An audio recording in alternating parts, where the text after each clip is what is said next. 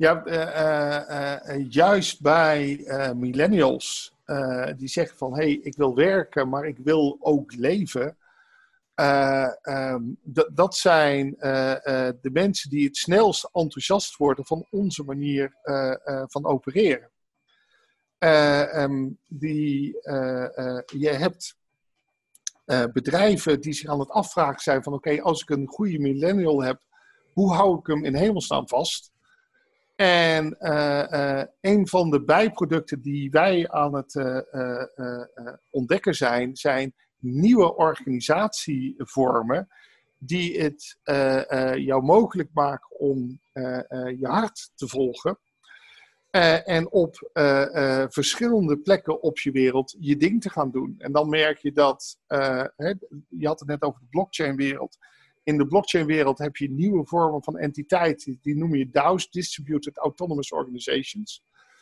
Uh, uh, die zijn we nu met z'n allen aan het verkennen.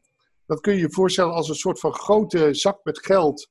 Die uh, ligt te wachten op mensen die systemen bouwen. Die vanuit de DAO bedacht zijn. Uh,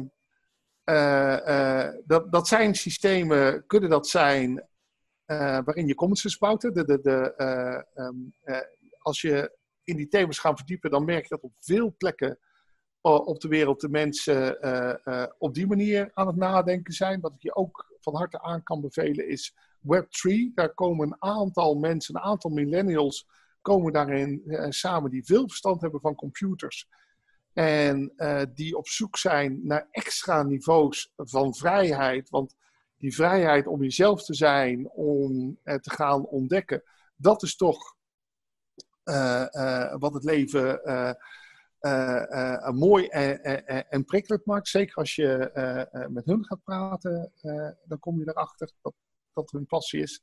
Nou ja, en al, voor mij uh, als uh, kritische infrastructuurpartij, uh, daar zie ik gewoon dat onze oplossingen heel erg goed passen in de wereld van vandaag en dat we daar met heel veel passie aan werken.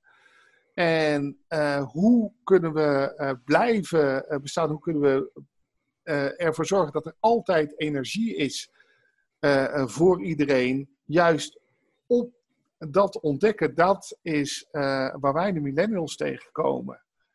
Uh, uh, de de, de, de rebelse, de gepassioneerde, de intrinsiek gemotiveerde. En dan ontdek je dat de projecten waarin je het onvoorstelbare eerst voorstelbaar maakt en dan erachter komt dat je dat gaat bouwen, dat er ook een hele hoop positieve energie uh, in zit. Ik zal bij uh, de dingen die we delen, zal ik een paar uh, verhalen stoppen van hey, wat gebeurt er nou op zo'n hackathon en wat is de energie? en dan kunnen de mensen het proeven, want het is echt mooi in beeld gebracht.